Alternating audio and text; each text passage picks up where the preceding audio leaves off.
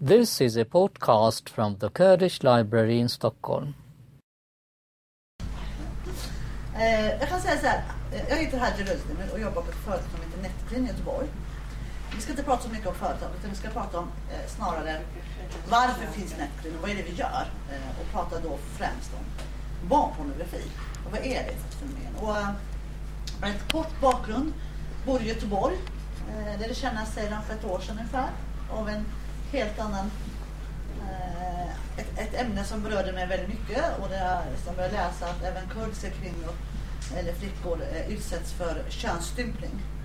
Det var det jag reagerade väldigt mycket för. För att eh, jag tänkte, man pratade liksom i, i, Kurdistan att kvinnofrigörelsen är väldigt stor där. Och att man gör kvinnor liksom revolution i Rojava och, och, och massa sånt här. Och sen hör man att de könsstympas. Tänkte jag, vänta nu håller vi på med det här och gör kvinnan till en halv människa. Så pratar vi om kvinnorörelsen, liksom, frigörelsen. Vi gick inte hand i hand. Och så det var så vi kom i kontakt med Sera. Sen har vi hållit kontakten. Och jag jobbar inte alls med könsstympning utan det var bara ett ämne som berör mig väldigt mycket. Eh, sen jag jobbar på företag som heter Netclean och jag är egentligen grund och botten ingenjör inom telekom. Eh, jag har jobbat på Ericsson i många år. Jag har jobbat på American Express eh, i många år som försäljningschef i Sverige Eh, och så vidare så hamnar jag här på det här företaget av en anledning att jag, det berörde mig lite. Jag känner att när jag ändå jobbar så kommersiellt som jag gör då kan jag jobba med ett, ett, ett ämne som gör nytta också i samhället. Eh, när man kommer upp i åldern då börjar man få lite mer tjänster och saker. Eh, så jag jobbar där, eh, är globalt ansvarig för deras försäljning och marknadsföring i världen. Eh, jobbar mycket uppe i Stockholm, för här är ju alla beslut som tas. Eh, dessvärre, så vi har inte. Och, eh, så det där är lite bakgrund kort om mig. Eh, och jag brukar inte hålla eh, seminarier och föreläsningar ska jag säga i, i sån här, utan det är snarare för företag och politiska grenar, och organisationer, i verk. Eh, men inte de här. Så att, det här är första gången. Så att jag försökte göra presentationen så det passar lite grann. Eh, ni får gärna avbryta mig om jag frågar. Eh, och jag har också en tendens att prata väldigt fort. Så att eh, ni får gärna rycka upp och säga att nu går det fort. Eh, så att jag kan dämpa mig lite. Eh, vad gör vi egentligen? Det står på engelska där, men vi ska inte ha engelska. Det står eh, Let's create a safer society together. Det betyder att låt oss skapa eh, ett samhälle som är tryggt för oss alla. Det är vad det handlar om. Lite grann i slutändan. Eh, och vi ska gå in på ett problem som heter, som vi i Sverige kallar för barnpornografi. Det är ett ämne, ett, ett ord som är egentligen, det är varken pornografi och det handlar inte om barn egentligen. Den, I Sverige försöker man hitta ett annat ord men man har inte kunnat göra det. I andra delar av världen som i England eller USA eller, så handlar det, så säger man alltid sexuella övergrepp på barn. Vi har ett barn där bak, fast som hänger med hela vägen. Eh, jag ska inte visa några bilder, eh, absolut inte. Utan vi ska titta på andra saker eh, och försöka förstå egentligen vad är det här för, för ett fenomen egentligen? Vilket problem är det som finns i samhället och var finns det någonstans? Eh, för det handlar inte om pornografi, för pornografi behöver inte egentligen betyda något negativt. Om man ska vara helt ärlig. Och barn är också en positiv ord. Så att använda det här och kalla det för barnpornografi, det är lite magstarkt. Utan det här är övergrepp. Det här är sexuella övergrepp på minderåriga. Och men vi, vi, pratar, vi jobbar också väldigt, väldigt tajt med, med polismyndigheterna över hela världen. Mycket med svenska rikspolisen, Interpol, Europol, eh, andra polismyndigheter Där vi utvecklar våra tekniska lösningar för att underlätta deras arbeten egentligen. Eh, och då jobbar vi väldigt tajt med dem, vilket gör att när vi sitter och pratar med dem och, och, och ser vad, liksom, hur ser material ut som ni kommer i kontakt med. Och, och där är ju siffror att 80% av materialen i form av bilder, video, fotomontage eller vad som helst är på barn under 10 år. Vilket gör att man tror att när man pratar om att det kanske är små flickor i, i yngre tonåren. För det är så folk associerar ibland. Att ja, men det är bilder på småflickor eller yngre tonåren, 13, 14, 12, 15-åringar som är lättklädda. Nej. För de har man inte ens tid att, att gå igenom och analysera. För att materialen är på majoritet 80% av barnen är 10 år. Vilket gör att, eh, att arbetet för polisen blir väldigt, väldigt jobbigt.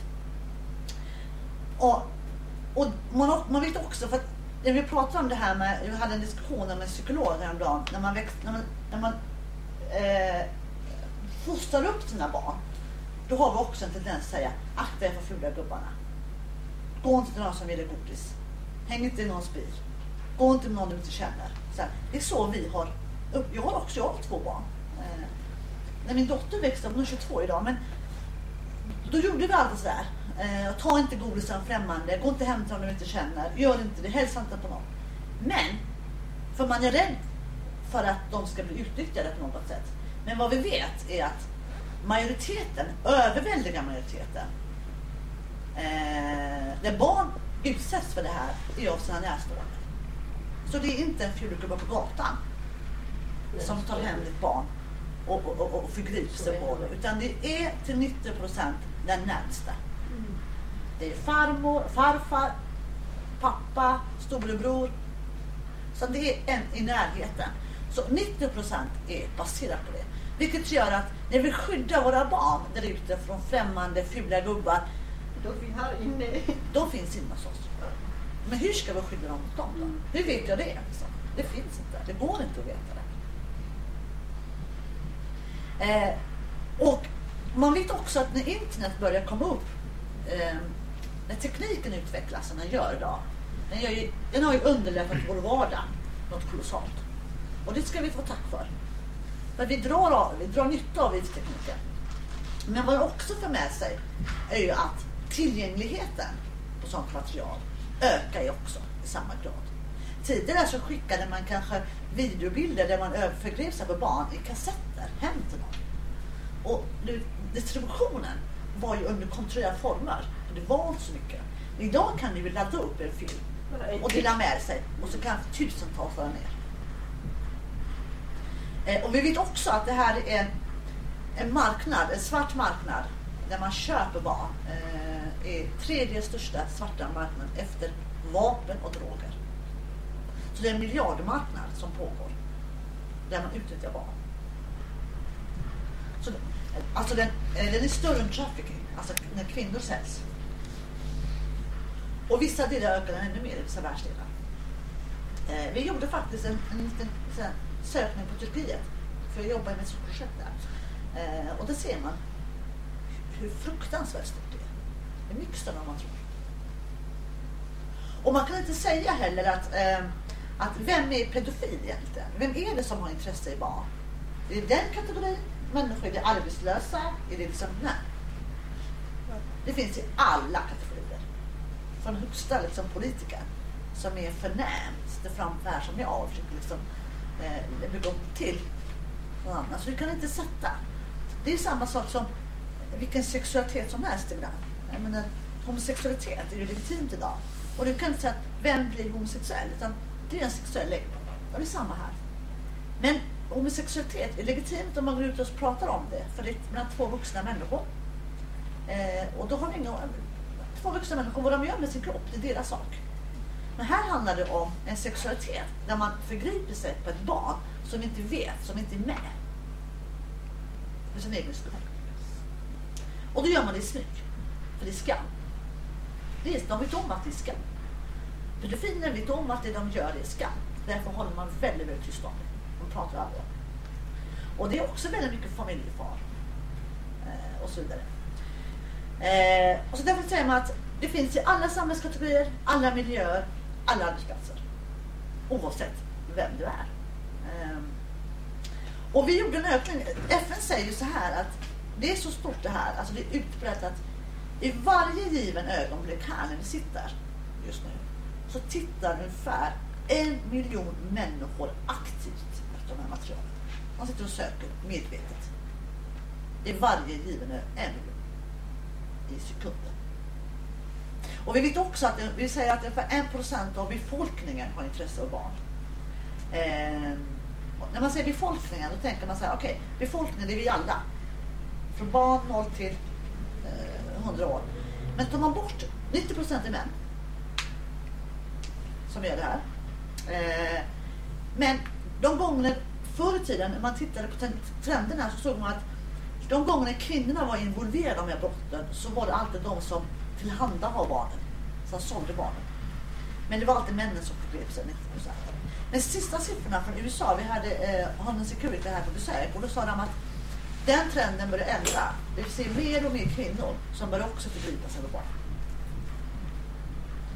Eh, så det är ett sånt fenomen och, eh, och vi jobbar ju med väldigt mycket företag eh, för det här, för det hjälper oss i, i kampen mot det här. Och när man tittar på vad är sanningen i det här? Vi gjorde faktiskt en ny undersökning bland 350 poliser som svarade på en enkät som vi skickade ut. för Vi jobbar ju väldigt mycket med polisen. Eh, berätta om det här. Hur ser det ut idag jämfört med 15 år? Vad har hänt eh, under den tiden? Och vi fick faktiskt förödande resultat av det. Rapporterna som kom in. Det visar att som, som, som jag nämnde tidigare att det ökar konstant. Och det ökar med tack vare tillgängligheten i det här. Fördelningen blir mycket. Man tar grövre och grövre och grövre bilder på barn. Vi vet om att eh, tidigare så kanske polisen hanterade en megabit data när de som tog en pedofils dator och började titta på bilderna och materialet. Så var det i megabitstorlek. Idag på jobbar man med terabytes. Och det innebär om jag ska associera tusen gånger mer.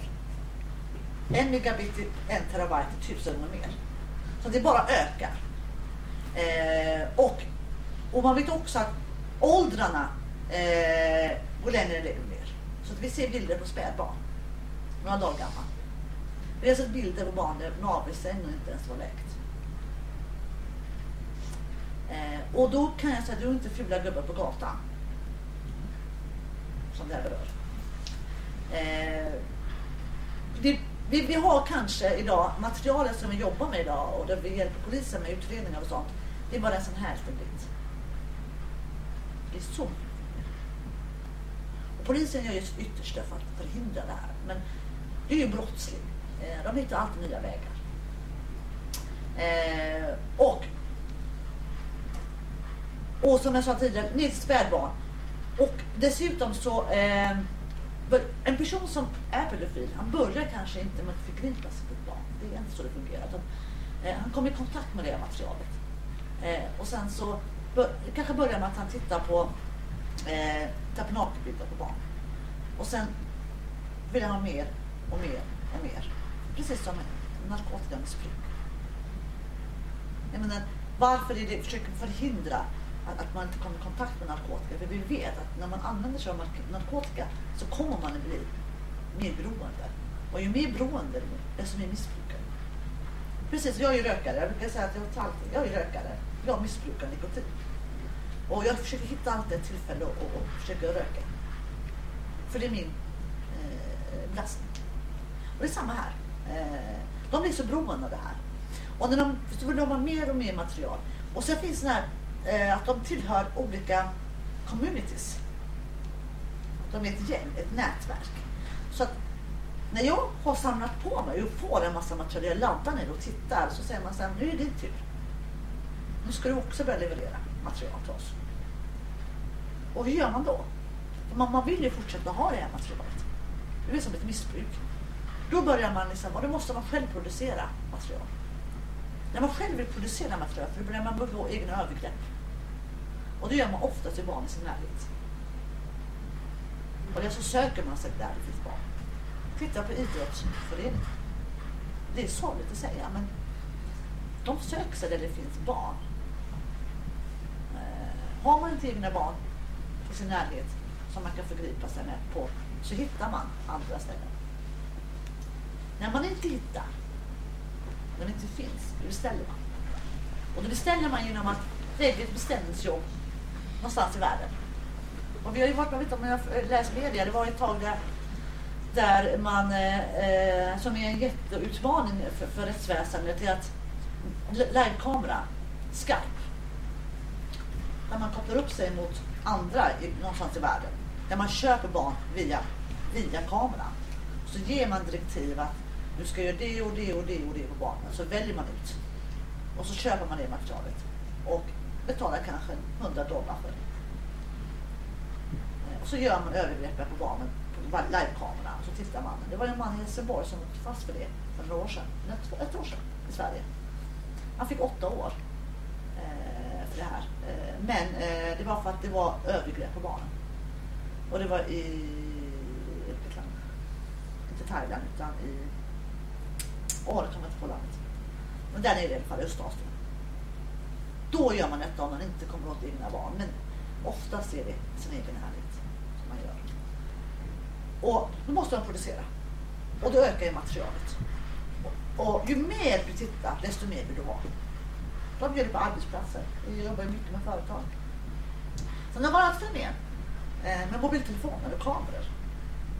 Tidigare men du kunde inte gå med din kamera och zooma och titta på barn. Det syntes liksom. Men idag har du en liten kamera. De är avancerade på mobiltelefoner. De blir bara bättre och bättre. Sen men du kan sitta och filma barn i olika sammanhang och använda sig av det. Folk ser ju inte det. Så man var observant som människa. Oerhört observant. När man ser att folk som tar fram kameror är helt eh, som inte har egna vanor. Varför tar du fram en kamera? För det är lätt att stå och filma så här. Det är ingen som ser dig. Eh, så tekniken eh, är ju fantastisk. Men som sagt, den innebär ju också stora faror som den för med sig. Det missbrukas och det, och det kommer att fortsätta att missbruka. Tidigare så visste man att de här materialen fanns på det öppna nätet. På URL-nät. När du kunde gå in och bara surfa och det bara rullades ner. På övergrepp barn. Men med tanke på att det är förbjudet i många länder. I de flesta länder är det förbjudet. Och befattar sig med det här. Så börjar man titta på andra forum. Där man gömmer materialet. Eh, och så säger man så här, sociala medier som är en media. Eh, om man tittar på internet som sådant så eh, kan du idag blockera på det öppna nätet. Om inte det är säker trafik, krypterad trafik. Eh, och Facebook, Twitter eh, och de här sociala medierna, eh, Google Plus, eh, det är, är på säker trafik, krypterad trafik. Vilket gör att polisen eller någon som helst kan inte gå in och blockera trafiken. Antingen stänger du hela hotellet. Men du kan inte som på vanligt URL, öppna nätet, gå in och blockera just den filmen eller det content som finns. Det kan du göra när det är vanlig HTTP. Titta ibland när ni surfar. Att skriver man HTTP och sen slash det andra så är det det öppna nätet. Så fort du sätter ett S bakom så det är secure trafik innebär att det är säker trafik. Det är krypterat. Och där kommer de inte åt och stänga in någonting. Antingen ställer du hela nätet eller så går det fritt fram. Och vi vet att sociala medier, men det finns Facebook idag. Facebook har ju över en miljard användare. Det är ett fenomen som har skapats idag. Ett mirakel igen. En miljon människor använder sig idag av Facebook. Vilket gör att barnen har Facebook. Barnen har WhatsApp. Barnen har eh, Instagram. Barnen har Twitter. De är överallt. Och det är inte bara dator. Utan de har ju mobiltelefoner också. Barn, barn. De är, och, jag menar, det är fantastiskt att, att tekniken kan, kan föra fram dem. Men vad som händer här i samma veva är att det finns ett nytt fenomen som har kommit upp. Det är grooming. Har ni hört talas om grooming? Har ni läst någonting om grooming? Grooming är ganska nytt idag. Eh, det är vuxna män som utger sig för att vara småpojkar. De öppnar sajter på eh, Facebook eller Twitter eller Instagram där det finns väldigt mycket unga flickor. 12, 11, 12-åringar, 9-åringar som har, som har konton. Och så skapar de sin eget konto och så kanske de kallar sig för Pelle, 14 år. Och tar en bild av en pojke som ser ut som 14 år. Och gömmer sig bakom den pojken. Och börjar komma i kontakt med flickorna. Eh, och flickorna tror ju att, att, att, det är en pojke i deras egen ålder. Det börjar ju så. Eh, och och det, de är oskyldiga, flickorna. Det de är, ja, men, och han är så pass stor och vuxen så han vet hur han ska få den här lilla flickan och med sig på banan. Jag menar, jag är 45, jag skulle kunna liksom sitta och lura vilket barn jag vill egentligen. För jag är ju så pass erfaren. Det är precis vad de gör. De får flickorna och säger saker till flickorna. Så att flickorna bygger ett förtroende mot den här pojken och tror att han är i samma ålder. Det kanske något år äldre. Eller vad som helst. Och så börjar de öppna upp sig. Och föräldrarna ser ju inte vad som pågår i deras barnrum. Nej. Nej. Så vi tror ju oftast att att det är oskyldigt. Jag menar jag kommer ihåg att titta på min dotter en gång. Det fanns inte de här sociala medierna. Men hon var inne på något som heter såna här chattar väldigt mycket när hon var 14, 12, 13 år. Så här. Och jag var ju jätteorolig för jag visste att det här skulle förekomma. Så att när hon gick och la sig. Eh, jag är ju ingenjör så jag kan, jag kan gå in bakom och titta på vad hon chattar. Hon visste inte om det. Och så läste jag liksom bara, gjorde lite fingeravtryck och tittade på. Är det någonting där som bryter mönster? Klart de ska få chatta med sina kompisar. Det är självklart. Men hur vet jag att det är verkligen i den åldern? Det kan jag prata med pojkar i sin egen ålder. Fine. Men det får ju vara en pojke som är i den åldern. För då blir det oskyldigt. Så att jag gick och tittade eh, och gjorde lite stickkontroll då och då. Och det såg väldigt bra ut. Det fanns inget som, som, som, bröt mönstret. Och jag berättade för henne det för något år sedan. När hon satt med sina kompisar runt bordet. Så du och jag har fullt i den när ni var yngre. Eh, är det du har fullt? I den chatten. Och de bara, va? Läste du vad vi skrev? Ja.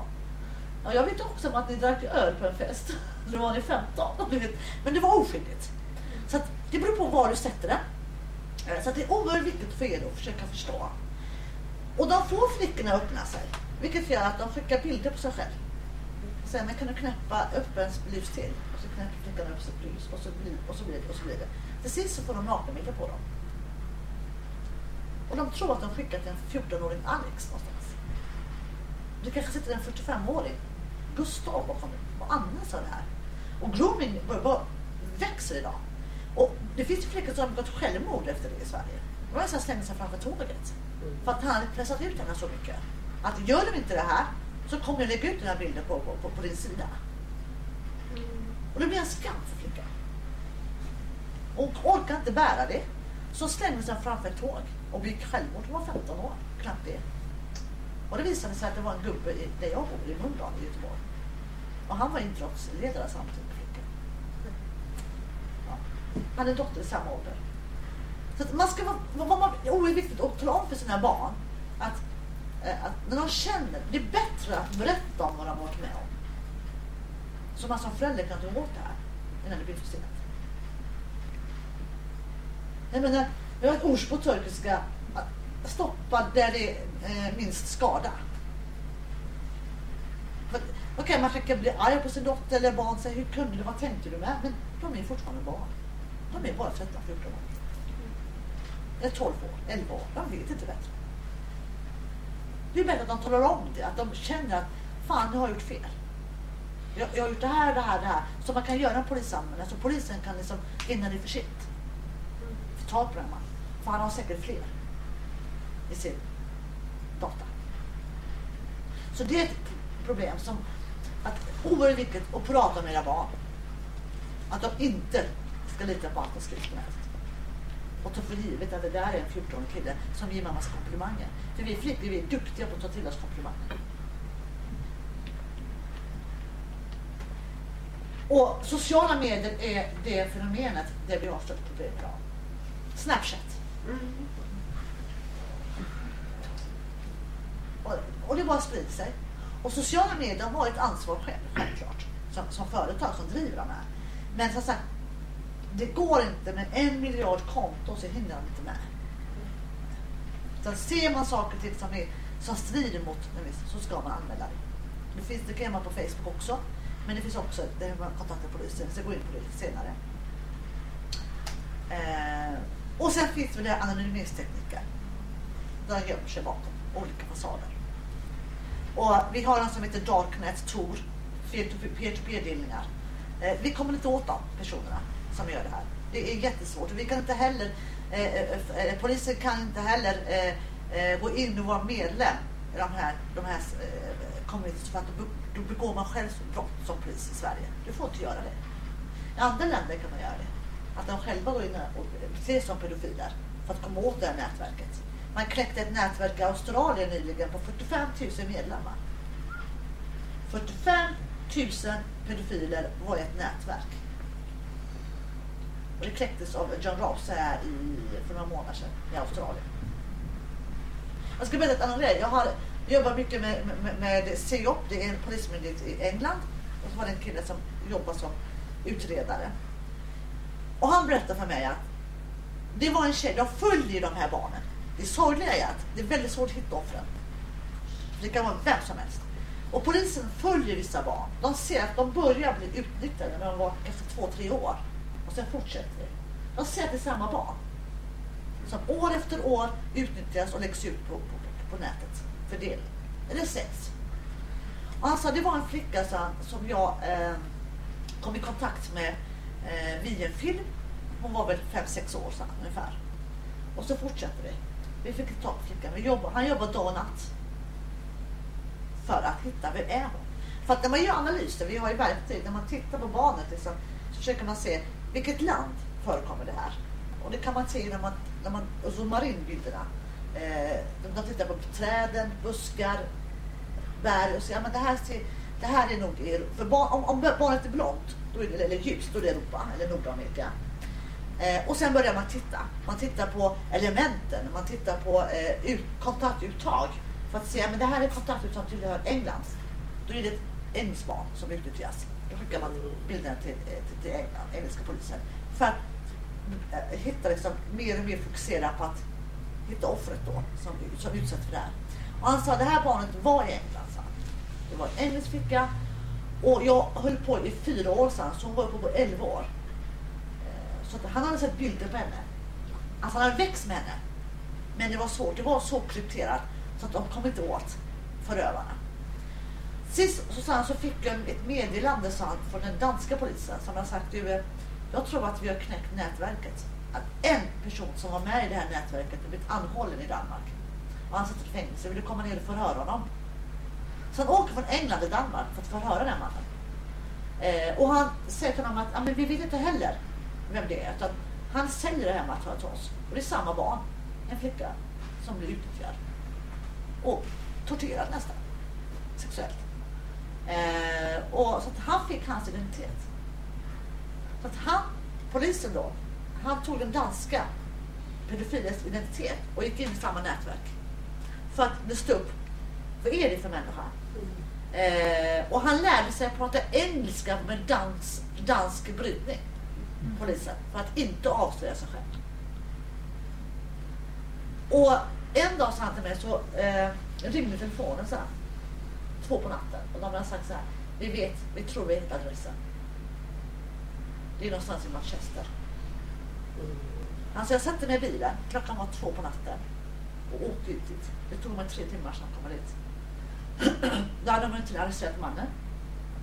Och när de kom in i huset så sa han att de märkte att de har sagt att det är nog inte här. För det är inte samma tapeter, det är inte samma möbler. För de tittar mycket på miljön. Jo, sa han, i samma hus. Jag på elementen. Jag har mätt elementen tio gånger. Det elementen, det, det, och så det träd som finns utanför fönstret. Mm. Det är samma träd och det är samma element. Han har, de gör ju det för att dölja. Men alltså det, det, det, här, är, det här är rätt adress. Vi har ett barn i källaren. Så de kommer ner. Och, hon, och det, det, det tragiska är att hon hade ju, de trodde hon var utvecklingsstörd i skolan. Eh, hennes hår var liksom luss överallt, sa han. Hon var på en smutsig madrass. Det är England. Och inte i Thailand, eller Vietnam, eller Kambodja. Utan det är England, Manchester, det här föregår. Eh, och hon, hon hade inte utvecklats någonting. Hon såg ut som en sjuåring fortfarande Hon har inte växt. Eh, och, och hon var apatisk. Så jag menar, reagerar inte skolan då? Men, lärarna har ett ansvar för katter. Något är fel. Med en högre Ja precis, men det här är inte Afrika. Det här är inte så, då visade det sig att lärarna trodde hon var utvecklingsstörd. Så hon kom i liksom klasser eh, och växte inte i sin roll. Liksom. Eh, hon sa, alltså, jag hade en, en choklad i, i, min väska, så här, en, en mars. Så att, för att få kontakt med henne. Han har ju, han har ju sökt henne i flera år. Han, han sa det här blev en, ett, ett liv för mig. Så Jag skulle hitta det här barnet. Så jag gav chokladen till henne. Och han, hon åt chokladen som om hon var en apa. Så han. Bara tryckte i sig. Hon var hungrig. Så att vårt jobb egentligen allihopa.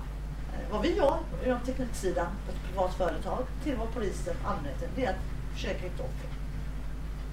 Hur, många, hur många barn kan vi rädda egentligen? Vad har vi för anmälningsplikt? Ska vi, så misstänker vi att någonting, ska vi verkligen anmäla?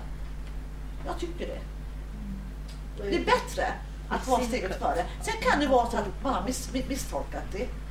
Men ibland har man tyckt det. Ofta har man tyckt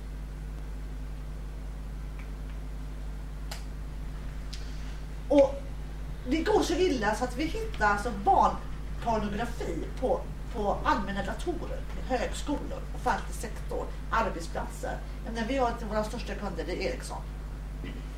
De hittar en pedofil i månaden i sin organisation. Så det är så vanligt. Det är oerhört vanligt om man tror. Eh, och man försöker liksom eh, få beslutsfattarna att förstå att vad är det här egentligen? För som jag sa tidigare i, i, i min föreläsning att man tror ju att, att det är, finns inte i min omgivning. Eh, det är bara lättklädda unga tjejer som man tittar på. Det är väl okej. Okay. Eh, så man fattar inte omfånget i det här och innehållet. När man väl kommer i kontakt med det, om man visar, Vi visar inte dina några bilder för att varje gång vi visar en bild av ett barn så innebär det att vi gör ett övergrepp på det barnet. Så, att, så därför försöker vi undvika den bilden. Men ibland måste vi göra det för att de ska förstå vad det är. Eh, och agera lite bättre. Så att, eh, och när en bild kommer upp i nätet så är den alltid där. Det är där för evigt. Jag menar, det barnet må vara räddad. Det barnet må kanske ha fått hjälp. Det barnet må kanske ha tagits ifrån den familjen. Men det barnets bilder finns fortfarande kvar i cyber. Mm. I, i, i, internet. Så länge den finns kvar. Så varje gång hon tittar på den så blir han utnyttjad. Varje gång. Kränkt. Mot sin vilja. Så därför så brukar vi eh, försöka ibland, när det är beslutsfattare som sitter här eh, och inte förstår det här, ta fram några bilder. Vi försöker undvika det så mycket vi kan, men ibland så måste vi göra det.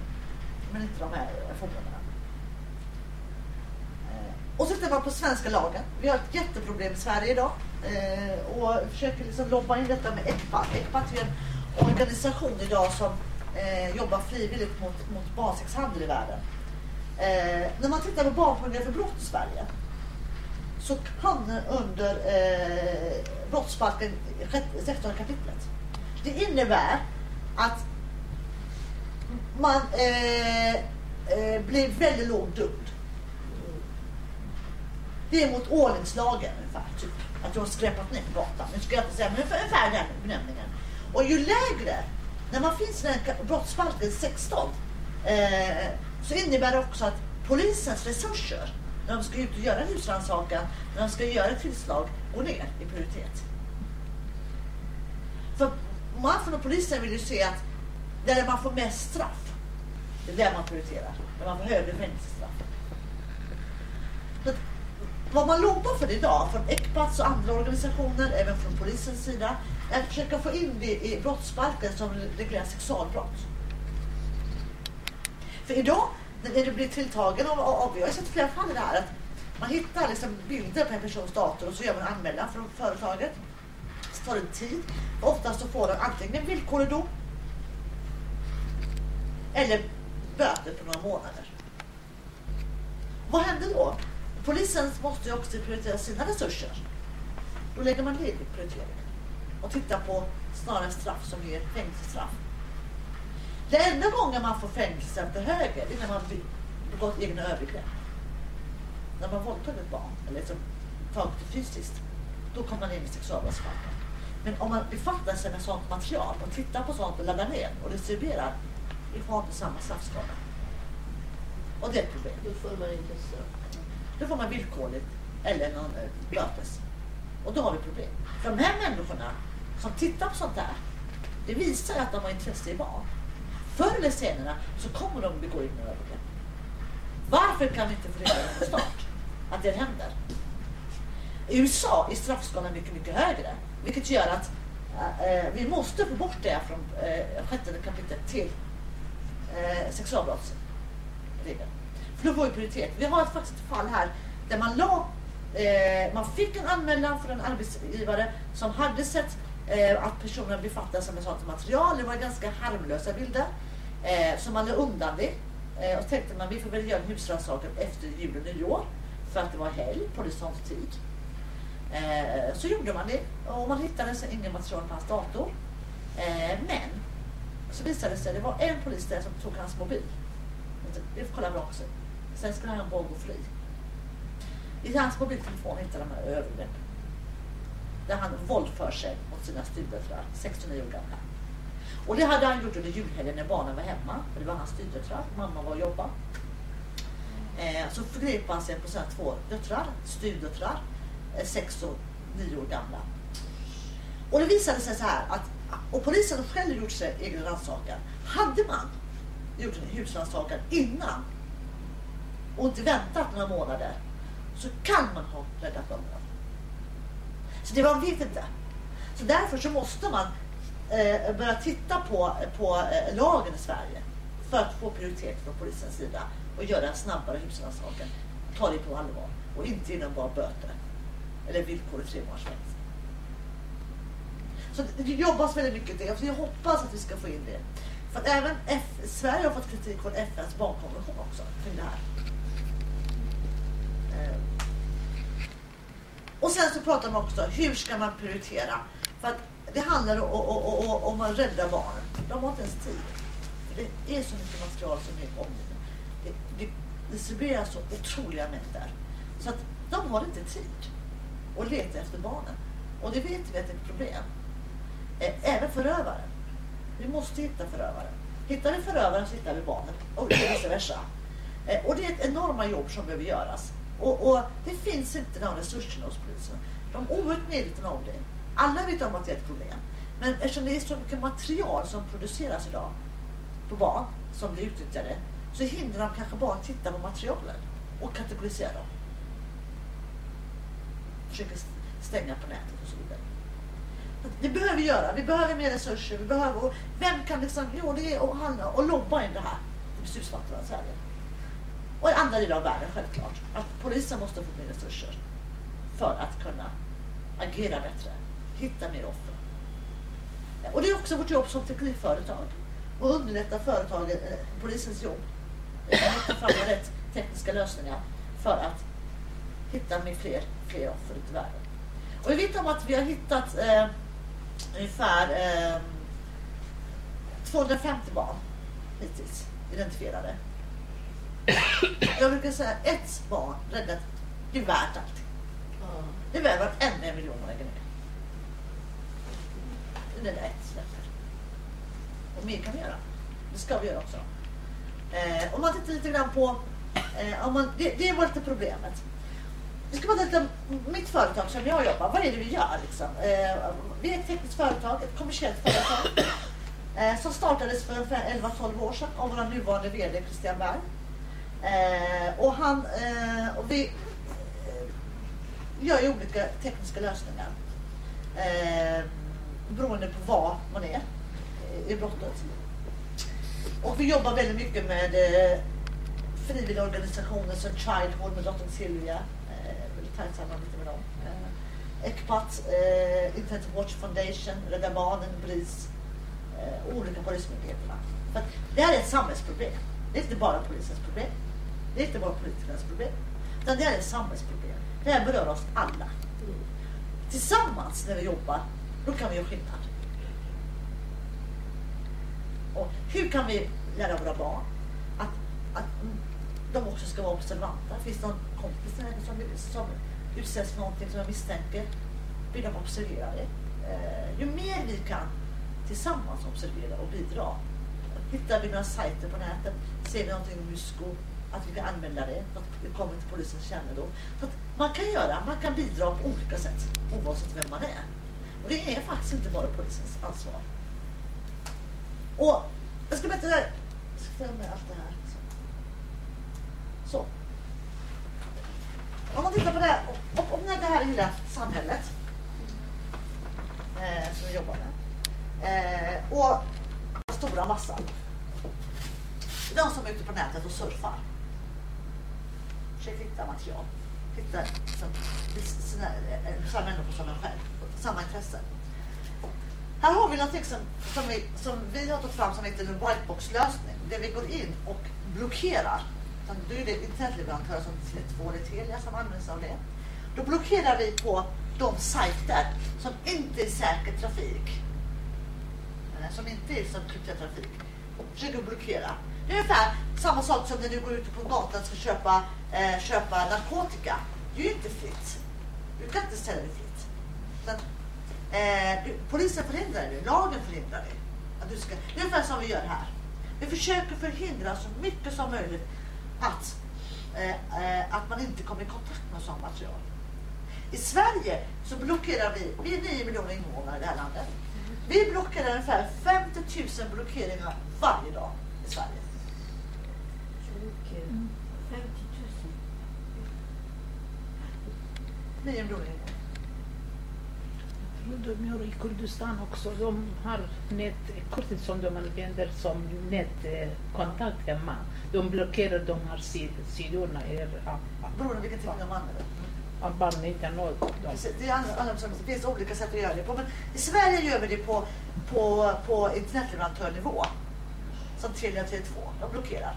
Och då får man listor från nationella polisen, man får listor från, eh, från internetövervakare, eh, privata människor som anmäler att nu finns det en sajt. Så skickar man det och så har man listor så trycker vi ut dem. Så att man blockerar, alltså man inte kommer i kontakt med det. Och det magiska här är att man tittar på när blockerar vi det här egentligen? Vilka tider är liksom topparna? Eh, då ser vi, de topparna är mellan 12 och 1 på dagen, lunch. Folk gör det på arbetstiden. Och sen är det 23 och 01 på natten. När man är ensam. Barnen har lagt sig, frun har lagt sig. Man kan vara själv. Och titta på sånt där. Så det är topparna. Det är Sverige där. Eh, och sen vet vi att när man har gjort ett, kommit i kontakt med det här så skapar man ett beroende. Man vill ha mer och mer och mer och mer. Precis som man, narkotika, alkohol eller vad som helst. Och då börjar man även att och, och, och titta på det och själv distribuera.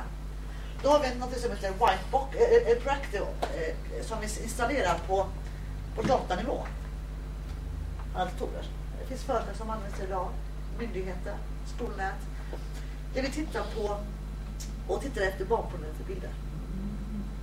Eh, så när personen laddar ner, eller tittar, är den, vi hittar inte allt, det gör vi inte. Utan vi hittar bara de bilderna som redan är klassificerad av polisen. Så att det här är barnpornografi. Och så får man en stämpel, en fingerprint och in i databasen. Och den databasen matchar vi. Så fort vi hittar en sån bild som polisen redan har klassificerat, då går ett larm till någon ansvarig inom företaget eller organisationen. Och det innebär att vi hittar inte alla bilder. Vi hittar bara de som är redan klassificerade. Eh, och många undrar, men du, jag har ju mina barns sommarbilder eller jag har... Nej, nej, nej. Det kanske hittar vi aldrig och det larmar vi aldrig på. Den ska bara vara på de bilderna som redan är använda av polisen och klassificerade och har ett unikt haschvärde. De hittar vi. Och, och vi, vi, på så sätt så bidrar vi också väldigt mycket till företag. Och man, för när man har när man hittat en bild så kanske personen har tusentals bilder till som inte polisen vet om. Då har man hjälpt polisen med mer material. Ju mer material vi kan eh, leverera till polisen desto bättre kan vi identifiera barn. Och de här som tittar på bilderna, ungefär en på tusen dator larmar. Så har du 10 000 anställda så kan jag garantera att du har 10 pedofiler i det företaget. Lätt. Och de, en viss del, men man säger mellan 30 och 70 procent kommer att begå egna övergrepp. Ju snabbare vi hittar de här, identifierar dem, ju mer kan vi stoppa att de begår övergrepp. För då kan vi ta dem. Liksom. Men vi vet att minst, minst 30 procent av dem kommer att begå egna övergrepp. I USA är siffran på 70. Jag tror faktiskt att den är högre. För här erkänner man inte Sverige. I och med att brottsbalken säger att så länge du inte har förgripit dig på ett barn så har du inte samma straffskala. Du har bara förbrukat materialet. Men så fort du förgriper dig, då är det en helt annan straff. Då kommer du sexualbrottsbalken. Därför erkänner man inte. Man vet om det. I USA är det får väldigt, väldigt höga straff även när du förbrukar. Så det kan man inte. Det gör man inte i Sverige. Så då har vi ett verktyg som vi, som vi tillhandahåller polisen som heter Analyze. Det är det verktyget som man analyserar arbetar. Eh, jag pratar om att titta på fönster, man tittar på barn, att man zoomar in. Vi tittar på ja, men, alltså, ansiktet, hittar något liknande någonstans. Så vi kan alltså matcha. Eh, vi kan hitta vilka kameror det som används. Har den här kameran används i andra syften så kanske vi kan matcha upp dem. Att det är samma kamera, alltså det är samma förövare. På så sätt kan jag hitta så mycket som möjligt. Och det, eh, det är ett verktyg som vi tar fram för polisen. Eh, och det är vårt sätt att ge tillbaka till marknaden, för den är gratis. Så polisen får den här gratis från oss för att man ska hitta mer offer. För tillsammans så handlar det egentligen om att eh, i slutändan, hur många kan vi stoppa? Hur många offer kan vi identifiera för att rädda barn? Andra numret om. Främst. Och sen i Sverige så har vi någonting som heter, jag sa att vi stoppar sidorna, blockerar. Då kommer den här fram. De sajterna vi har blockerat och så kom stoppsidan. Det kom på ett stopp. Nu är vi inne på, på eh, en sajt som är förbjuden. Eh, och sen finns det, eh, om man vill ta kontakt med polisen, kan man mejla dit bort.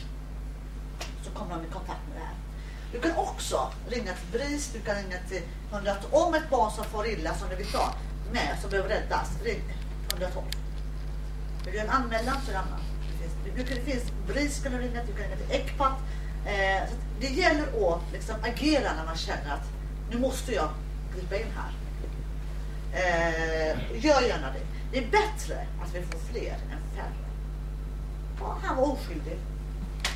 Nu är jag ganska krass, men så är det. Eh, det är ett ansvar. Alla har ett ansvar att agera mot sånt här brott. För det är trots allt våra barn. Och det, jag menar, det är inte min eller ditt barn. Det, det är våra barn det här handlar om.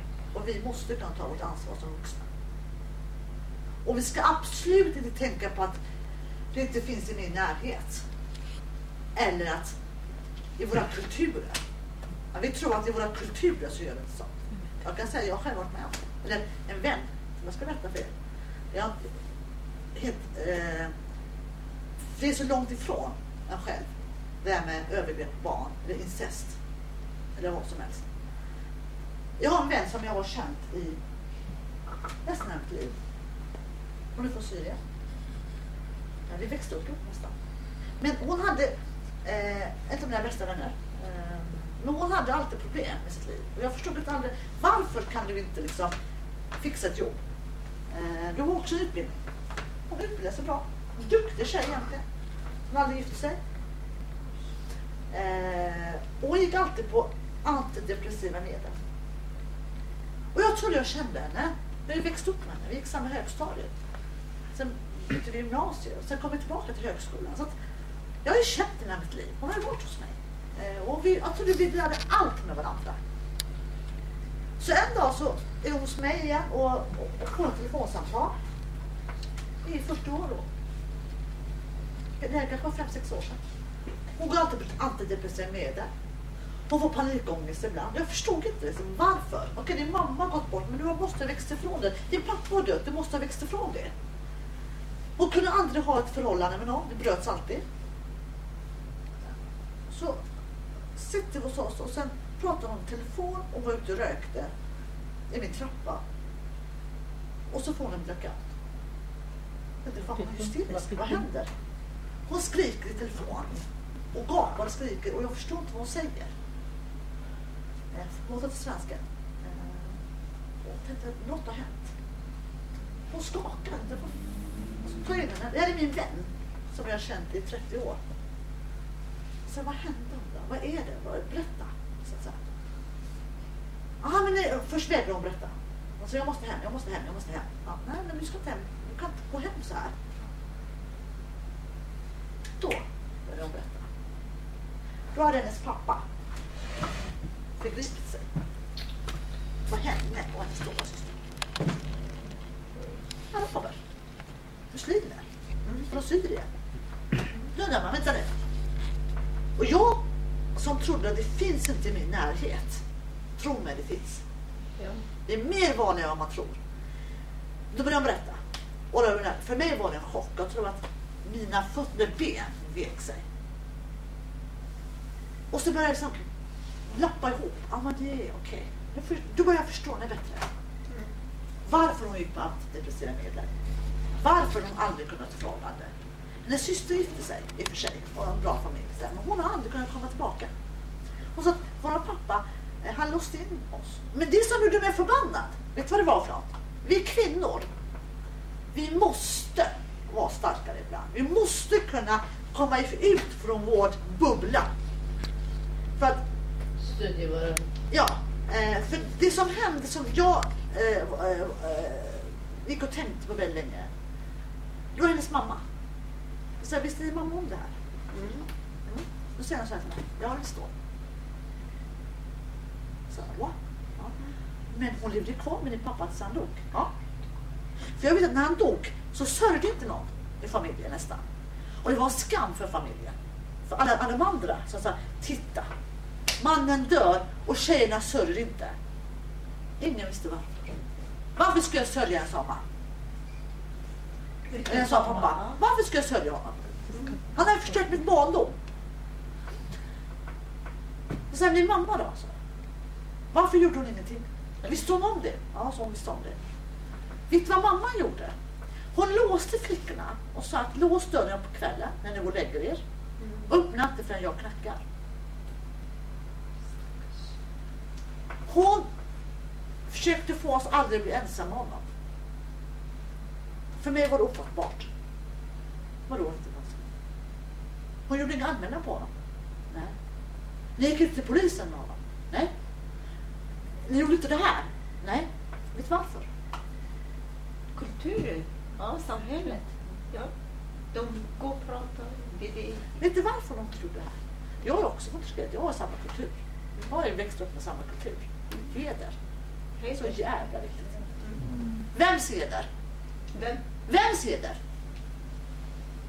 Är det mannens heder jag ska, Oh, det här är helt... jag ska liksom eh, eh, be- bejaka? Men jag och mina barn. För att, hade det här kommit ut i den, Samhället, Ja. ja. så skulle inte de bli gifta. Nej. Ingen skulle vilja befatta sig med den här familjen. Ja. De här flickorna skulle inte kunna få gifta sig med någon annan. För de var redan smutsiga. Mamman gjorde ingenting utan höll dem, försökte beskydda dem för att rädda deras heder. Men den skitstöveln, han var kvar och levde loppan utan att behöva ta sitt straff. Så, mina damer. Vi, eh, eh, Sverige gör man mer anmälningar för vi har, de har inte samma syn Nej. på det här. De anmäler när de vet om det här, mammorna. För det, de har inte det hederstänket på det, det som vi har. Heder är en sak som dessvärre hela tiden bromsar vår utveckling. Vad är heder liksom? Var går gränsen för heder? Är detta heder för att jag ska skydda min dotter från att hennes namn ska vara ren? För att hon ska kunna gifta sig eh, i, i, i, i kulturen? Och skydda en man som har förgripit sig på sina egna döttrar. Vad är heder? Så att, det är därför jag säger att eh, det här är så mycket vanligare än vad man tror. Och det finns också hos oss i våra kulturer runt omkring. Även om de minst man minst anar. För man pratar inte om det. Nej. I våra kulturer så dämpar vi, vi stänger locket på. Jo, men För det är oerhört viktigt att det inte kommer ut. För man måste hålla upp ansiktet. Och man gör sina barn en björntjänst på det sättet. Vi måste acceptera att hon som blir utnyttjad, den mamman, det är inte de det är fel på. Utan det är mannen som gjort det här som måste ta sitt straff. Och där har vi kvinnor faktiskt väldigt mycket att lära fortfarande. Att vi ska våga stå upp för detta. Så att jag tänker inte skydda min man. Varför ska jag det för? Jag, jag, jag, jag skiter, ursäkta uttrycket, i hans heder. Han har förstört mig och mina barn. Så det, det ligger faktiskt eh, i vårt ansvar som, som kvinnor och mammor Eh, och, och, och liksom agera när vi känner att vi behöver agera. Och komma ifrån det här bubblan med heder och, och som, inte smutsa ner namnet. Jag har varit med om det. Så att jag har ett typexempel. Eh, och Jag kan vara arg på hennes mamma fortfarande, men hon var inte arg på sin mamma. Jag var arg. Att hon inte hade agerat bättre. Men eh, hon sa att jag förstod min mamma, sa hon. På den tiden. Men jag hade väldigt svårt att förstå. Eh, men det, det kanske är så. Jag borde kanske sätta mig in i en situation. Men, eh, så att vi har och, en, en, en, en lång väg att gå. Och vi är också duktiga på att, jag tittar ifrån, jag jobbar ju väldigt mycket med Turkiet just nu. Vi eh, försöker få ett stort e- eh, projekt där. Men problemet är att det är mentaliteten kring, eh, på männen fortfarande, att det som styrs. Att man försöker hitta offret till att bli eh, skyldig. Och man vänder. Men varför? Hon skulle inte ha på sig den här kjolen. Varför hade hon en minikjol? Hon utser sig själv för att bli våldtagen. Hon är 15 år, 14 år. Det är inte eh, anledningen. Så det är där uppe vi måste ändra. Så tack för att ni lyssnade på mig idag. På ett sånt ämne som är ganska tungt egentligen. Eh, men eh, vi måste inse att det finns och det förekommer och, och förstå problematiken kring, kring övergrepp på barn. Vilken fantastisk jobb. Tack ska du ha.